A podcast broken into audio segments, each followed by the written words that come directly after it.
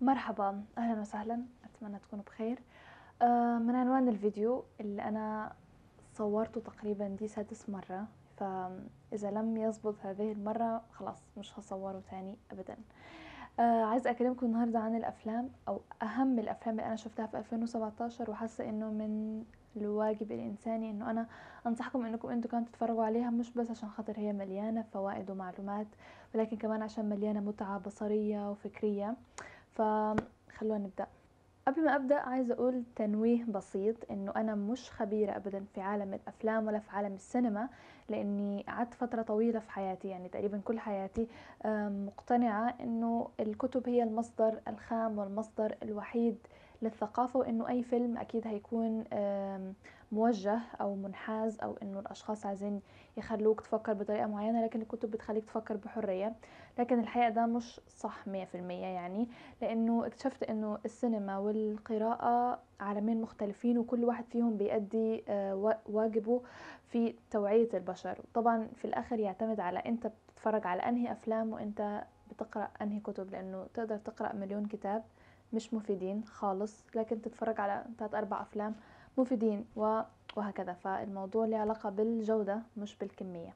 هكلمكم الأول عن الأفلام الوثائقية لأنه الأفلام الوثائقية بالنسبة لي هي أكتر نوع مفضل في الأفلام لأني بحس إن كل مشهد فيها آه في معلومات. يعني مش مش آه مش بتضيع وقت أبدا. فعايز أكلمكم أول حاجة عن الأفلام الوثائقية. خلينا نبدأ. أول فيلمين مش بس بيتشابهوا في نفس القضية أو نفس الفكرة اللي بيعرضوها كمان اللي عمل الفيلمين دول هو نفس الشخص أخرجهم وصورهم. كيب أندرسون. كيب أندرسون آه عمل أول فيلم اللي هو فيلم What the Health. What the Health هو فيلم وثائقي عن الأنظمة الغذائية. بصراحة هو الفيلم منحاز للنظام الغذائي النباتي وبيثبت طول الفيلم من خلال مجهود كيب أندرسون الشخصي اللي هو بيعمله بحوثاته هو الشخصية لقاءاته مع دكاترة ومع منظمات صحة عالمية للنظام الغذائي النباتي أفضل بكتير من النظام الحيواني بالنسبة لجسم الإنسان.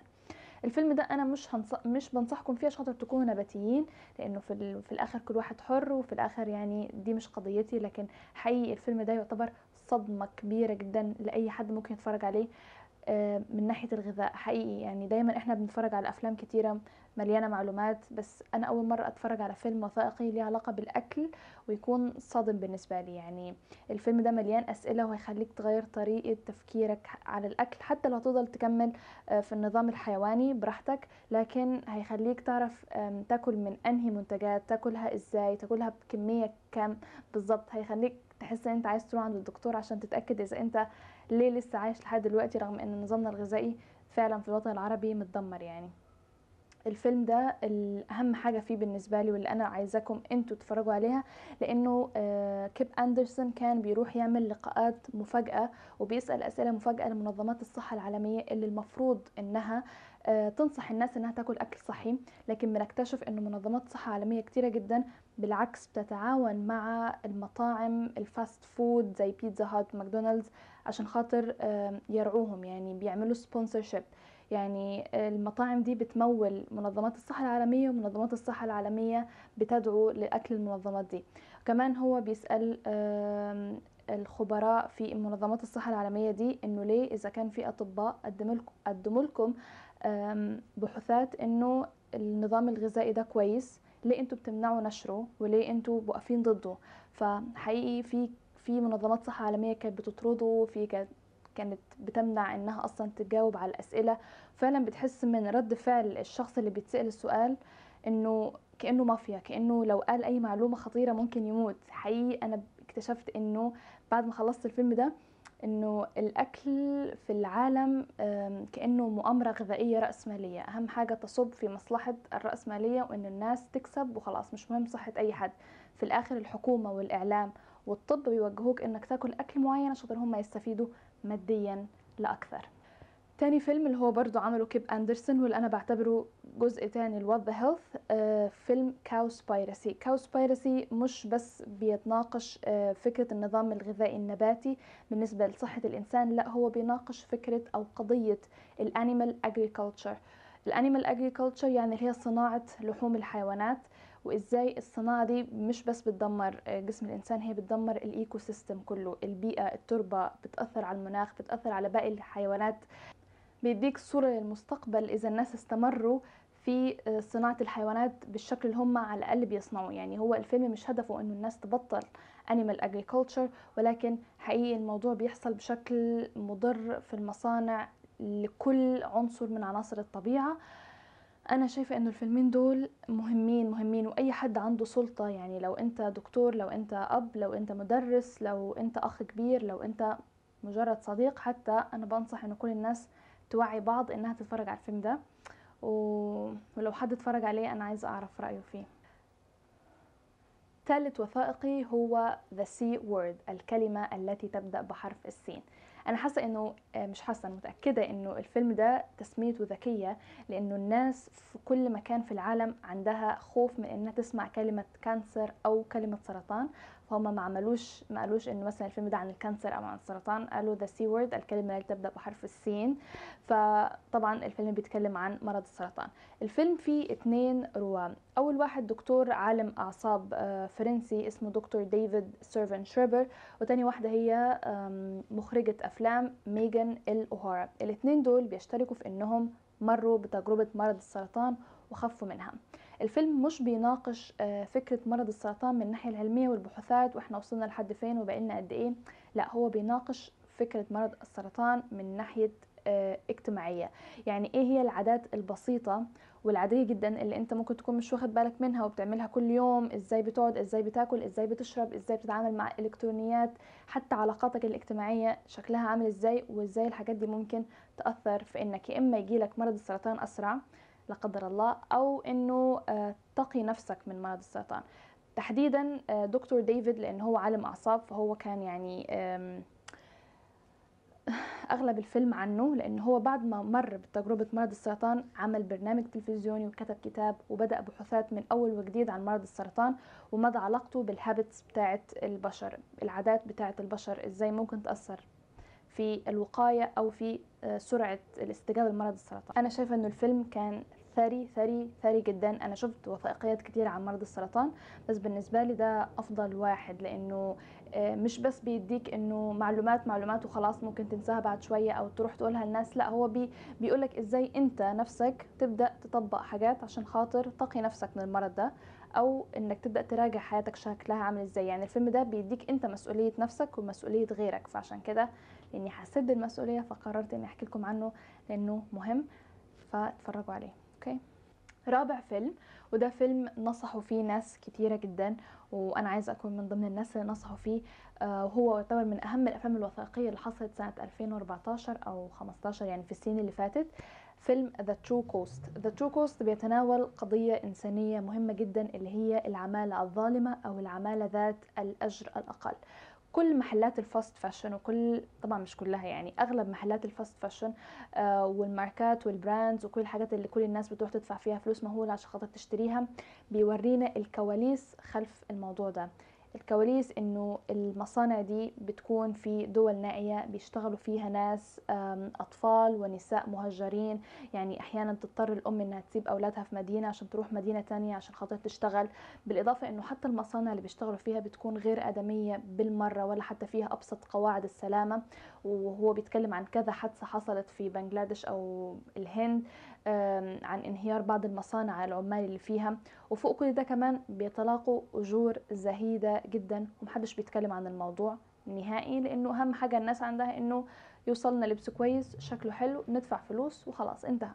الفيلم ده حقيقي حقيقي من الأفلام اللي هتزيد وعيك وهتزيد إنسانيتك وهتخليك تبدأ تدور على حلول تانية مش بس تناسب آه، ذوقك في الملابس لأ كمان تناسب فطرتك السليمة فطرتك الإنسانية وتخليك إنسان أقرب إنك كل ما تلبس حاجة تفكر إنه في أطفال طلعوا من مدارسهم وأمهات تركوا أطفالهم وآباء تركوا عائلاتهم بس عشان خاطر يصنعوا لك قطعة حتى هم ما اخذوش مقابل آه، إنساني ليها.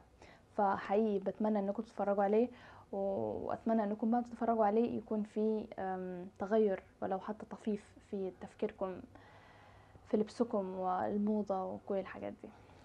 خامس فيلم هو فيلم إنساي أو The Power of Intuition. The Power of Intuition يعني قوة الحدث وكلمة إنساي نفسها هي كلمة أيسلندية لها كذا معنى لكن تقريبا كلهم نفس المعنى آه، معناها مثلا البحر الذي بداخلك أو الطبيعة بلا حدود أو within ما هو ضمن. في العالم اللي إحنا عايشين فيه ده اللي مليان توتر بالذات في عالم المدينة توتر وضغوطات حياة وكأنه كل واحد في سباق بيحاول يوصل لأهدافه قبل ما يموت. الفيلم ده بيخليك آه، تكون واعي إنك مش بس تتجاهل الناس اللي حواليك والطبيعة وكل عناصرها الجميلة اللي المفروض إنها تساعدك تكون إنسان كويس أنت كمان بتتجاهل نفسك. الفيلم ده مليان إبداع ومليان علم ومليان روحانية بتخليك تتواصل مع نفسك. الحاجات الأفلام اللي زي دي صعب إنه حد يشرحها وصعب إن أنا أشرحها. فعشان كده أنا عايزاكم تتفرجوا عليه بدون ما أنا أشرحه لأنه هو هيتولى بنفسه مسؤولية زراعة بستان صغير في داخلكم وهيخليكم أشخاص أفضل أو هتخلي نظرتكم للحياة مشرقة أكتر. آه هو ملوش أي علاقة بتنمية ذاتية أو, أو تفاؤل أو حاجات دي لأ هو بيتكلم عن تجربة التواصل مع الذات مثلا في كل الأديان في المدارس في الكبار في الصغار وتأثيرها على المجتمع وتأثيرها على الطبيعة وعناصرها. فاتفرجوا عليه. آخر فيلم وده أهم فيلم أنا اتفرجت عليه في 2017 وعشان كده خليته آخر واحد في الأفلام الوثائقية. فيلم اسمه دي بروجرامد. خليني أشرح لكم شوية الأول. كلمة programmed يعني مبرمج يعني شخص مغسول دماغيا. لما أقول he is programmed يعني الشخص ده متبرمج متسيستم في حد لعب في دماغه بيخليه يفكر بالطريقة دي. فكلمة deprogrammed عكس كلمة programmed يعني شخص تم فك الشفرة بتاعت عقله ورجع يفكر كإنسان طبيعي. زمان في فترة السبعينات والثمانينات ولحد دلوقتي كان في حاجة اسمها cults cults يعني طائفة أو حزب ولكن بطريقة عبادية. في العادة هي بتطلق, بتطلق على الأحزاب الدينية لكن آه، فيها هي مفهومها أوسع من كده. حتى لو أحزاب سياسية حتى لو أحزاب لا دينية حتى لو أحزاب آه، بيعملوها بس الناس وأفكارهم تافهة. برضو بيكون اسمها كولت الكولت دي إنه الناس مجموعة من الناس بيقرروا هم يجتمعوا على هدف واحد وينعزلوا عن باقي العالم مؤمنين بس بفكرة الكالت أشهر مثال وأكتر مثال ممكن أشرحه وتوصل لكم الفكرة مثلا داعش. مثلا اللي في داعش مجموعة شباب مجموعة من الناس مؤمنين ببعض الأفكار المستعدين إن هم يضحوا حرفيا بحياتهم عشانها. إنه إحنا هنقتل ناس معينة بعد ما نقتل الناس دول إحنا هنروح الجنة في الجنة إحنا هنشوف حور عين وهنتجوز حور عين وكل الحاجات اللي هم مؤمنين بيها دي نفس فكرة ال cult بالظبط مستعدين يعملوا أي حاجة في هدف آه عشان خاطر يوصلوا الهدف اللي هم عايزينه. فانتشرت الحاجات دي جدا في السم... في انتشرت الحاجات دي في الثمانينات والسبعينات بالذات في أمريكا وبدأوا الناس يلتفوا في cults سواء دينية أو حزبية أو سياسية أو إلى آخره. وكان ده بيأثر على تفكيرهم وكان بيخليهم يعملوا حاجات خارج اللاوعي بتاعهم. يعني بس يسمعوا أوامر وينفذوها ففي دكتور اسمه تيد باتريك هو مش دكتور طبي يعني بس أقصد خبير قرر يعمل حاجة اسمها deprogram يعني anti-cult system anti-cult يعني عكس ال cult أو منافي أو مضاد لل cult ده بعد ما مر واحد من أخواته أيوه أخواته واحد من أخواته مر بتجربة ال programming وتم غسيل مخه. فبدأ يعمل آه، برنامج عشان خاطر يطلع الناس من ال cult دي. الفيلم ده حقيقي أنا أول مرة أشوف الفكرة دي أول مرة أعرف إنه في ناس يعني ممكن يطلعهم من ال brainwashing أو غسيل المخ اللي بيحصل لهم. فالفيلم بالنسبة لي كان رائع. أنا في حياتي ما شفت لا مقال ولا برنامج تلفزيوني ولا كتاب بيتكلم عن الموضوع ده. الفيلم مليان بالتجارب الشخصية يا إما. يا إما لناس كانوا فعلا في cult وطلعوا أو ناس فضلوا في cult وبيتكلموا هم ليه مقتنعين بكده وبيحكي عن تجربة العائلات. لو حد من أولادهم كان آه، في cult أو الحاجات دي فحقيقي الفيلم رائع رائع رائع. لازم تشوفوه لازم. كل الأفلام اللي أنا قلتها لازم تشوفوها. okay. أعتقد ده هيكون أطول فيديو في القناة بتاعتي حاسة كده. بس عشان خاطر ما يكونش طويل خلينا بسرعة بسرعة نبدأ في الأفلام المش وثائقية. هم بس خمس أفلام. أول فيلم هو فيلم Nise The Heart of the Madness. الفيلم ده عندي ثلاث أسباب يخلوني أنصح أي حد إن هو يتفرج عليهم. أول سبب إنه هو فيلم سيرة ذاتية. الفيلم ده فيلم حقيقي. تاني سبب إن هو بيتكلم عن العلاج النفسي أو عن الأمراض النفسية. الدكتورة دي الفيلم ده تقريبا في أسبانيا أو في البرازيل الدكتورة دي قررت إنها تشتغل في آه، مصحة علاج نفسي أغلب المرضى اللي فيها عندهم شيزوفرينيا تقريبا وأمراض أخرى تانية. لما بتدخل المصحة بتنصدم وبتتفاجأ بالطريقة اللي كل الرجالة وده تالت سبب إنه الفيلم ده بيتكلم عن معاناة المرأة في إنها تثبت نفسها في المجتمع الذكوري. بتلاقي إنه كل الدكاترة الرجال اللي هناك بيعاملوا المرضى بشكل لا إنساني بشع. تحديدا بتتكلم عن العلاج بالكهرباء. يمكن العلاج بالكهرباء زمان كان آه، علاج وحشي شوية وما كانش ليه ضوابط أو قوانين لكن دلوقتي أنا قرأت مقال إنه العلاج آه، بالكهرباء ليه فوائد كتيرة جدا وفي ناس بتخاف منه. لكن المهم إنه في الفترة دي كان العلاج بالكهرباء شيء لا إنساني ما فيش فيه أي ضوابط بيستخدموه على كل المرضى باختلاف درجاتهم باختلاف حالتهم فهي قررت إنها توقف العلاج ده وبدأت تثبت لهم إنها تقدر تعالج المرضى النفسيين بالرسم. ودي كانت المعجزة إنه مش بس المرضى النفسيين استجابوا للعلاج بالرسم المرضى النفسيين أصبحوا فنانين. وحتى إنه الفيلم ده زي ما قلت إن هو سيرة حقيقية. اللوحات اللي رسموها المرضى في الفترة دي ليها معرض دلوقتي وأي حد يقدر يروح فيه. وفي ناس آه، مرضى كانوا اللي هم خضعوا للعلاج بالرسم خفوا يعني طبعا مش بشكل كامل لكن في منهم قدر يخرج برا المصحة ويكمل حياته عادي ويرجع لعيلته ويرجع يتجوز ويعيش حياته طبيعي. فالفيلم ده بالنسبة لي كان يعني ثورة في عالم الطب النفسي. أول مرة أعرف المعلومة دي أول مرة أعرف يعني إنه في ناس فعلا ممكن تشفى بالعلاج بالرسم. فاتفرجوا عليه. تاني فيلم هو فيلم تركي اسمه جونشي جوردون أو I saw the sun أو لقد رأيت الشمس. لقد رأيت الشمس بيتناول قضية ثلاث عائلات أكراد. وأنا مؤخرا بدأت أهتم بقضية الأكراد لأني حاسة إنها قضية مهمشة شوية وفي نفس الوقت هي قضية مهمة. فبتتكلم عن إنه ثلاث عائلات أكراد كانوا عايشين في سلام في جزء ما في تركيا لكن الجيش التركي مش بيسيبهم في حالهم وبتحصل ضرب وكده فبيضطروا إنه الثلاث عائلات كل واحد فيهم تتفرق في مكان معين. في منهم اللي بيهاجر في منهم اللي بيسافر المدينة في منهم اللي بيفضل مكانه. فهو بيتكلم عن معاناة الأكراد في محاولة التأقلم مع كل البيئات الجديدة المختلفة.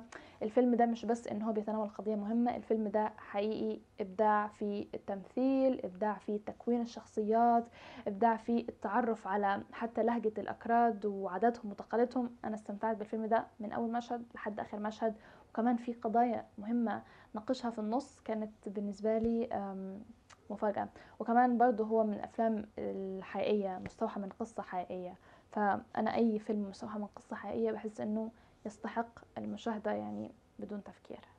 ثالث فيلم هو أعتقد فيلم مشهور وكل الناس اتفرجت عليه بس لو ما حدش اتفرج عليه أنا عايزاكم تتفرجوا عليه. هو فيلم The Dead Poets Society. The Dead Poets Society بيتكلم عن مدرسة مدرسة شباب ثانوي آه بيخضعوا للقوانين والعادات والتقاليد الصارمة سواء من الأهالي أو من المدرسة لكن بيجي لهم مدرس اللي هو روبن ويليامز أو ويليامز روبن مش عارفة اسمه. لكن بيخليهم إن هم آه، يبدأوا يفكروا في نفسهم ويبدأوا يفكروا بطريقة ثورية شوية. وكان بيكون شعارهم هو Carpe Diem أو seize the day يعني الحق على يومك واعمل اللي أنت عايزه فيبدأ كل واحد فيهم يبدأ يحقق هدفه سواء كان هدف ليه علاقة بطموح أو هدف عاطفي أو إن هو يتغلب على خوف من مخاوفه. الفيلم ده أثر فيا جدا ولو ما كانش أثر فيا ما كنتش هنصحكم فيه.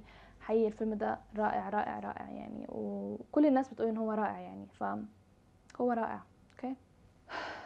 آخر فيلم فيلم عربي ومش بس عربي فيلم مصري أبيض وأسود فيلم الباب المفتوح. الفيلم ده أول حاجة يعني قبل ما أبدأ أتكلم عنه هو مأخوذ من رواية للدكتورة نوال السعداوي وأعتقد ده سبب كافي إني أنا أتفرج عليه مع إني أنا لما اتفرجت عليه ما كنتش أعرف إن هو مأخوذ من رواية نوال السعداوي لإني لو كنت أعرف كنت هقرأ الرواية الأول بعدين أتفرج على الفيلم. الفيلم ده بطل بطلة الفيلم فاتن حمامة. شابة مصرية بيكون عندها بعض آه، الأفكار الثورية وإنها عايزة تغير في المجتمع وإنها شايفة إنها كأنثى بيتم النظر ليها بنظرة أقل. وبتبدأ تواجه المجتمع ولما بتغلط مرة بتحس إنه لا المجتمع صح فبيحصل لها كأنه انتكاسة في أفكارها لحد ما تحصل أحداث تانية بتغير حياتها. الفيلم ده آه، الحلو اللي فيه إن أنا مكنتش أتوقع إنه في الفترة الزمنية دي في مصر كان في حد بيفكر كده أو إنه في حد عنده الشجاعة إن هو يعمل فيلم ضد العادات والتقاليد والمجتمع. ومش بس كده يعني حتى الممثلين اللي مثلوا فيه فاتن حمامة وصالح سليم يعني رائعين. ما أعتقدش إنه كان ممكن يكون في ممثلين أفضل من دول. حقيقي أنا مش عايزة أتكلم أكتر من كده عن الفيلم لأني ممكن أقعد أتكلم عنه ساعة. ما عنديش مانع لأنه فيلم حلو. والفيلم كمان على اليوتيوب فتقدروا تتفرجوا عليه. آه وكمان بمناسبة باقي الأفلام أنا بتفرج عليها في نتفليكس. فأنا مش عارفة إذا هم موجودين يتحملوا ولا لأ بس أعتقد إنه أغلب الأفلام اللي اتكلمت عنها تقدر تحملوها أو تتفرجوا عليها أونلاين على النت. ف بس. كده أكون خلصت الفيديو. يا رب ما يكونش طويل يا رب ما يكونش طويل ويا رب تكونوا استمتعتوا.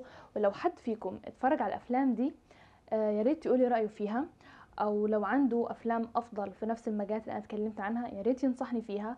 ولو حد فيكم آه، هيتفرج عليها ما عنديش مانع إنه يجي يقول لي رأيه لأن أنا بحب جدا أتناقش في الأفلام بالذات لأني بحس إنه ليها كذا جانب نقدر نناقش فيه. وكمان أنا طول السنة بتكلم عن الأفلام اللي أنا بتفرج عليها في تويتر إذا حد فيكم متحمس فتقدروا تعملوا لي follow it's okay okay. وبس وشكرا. باي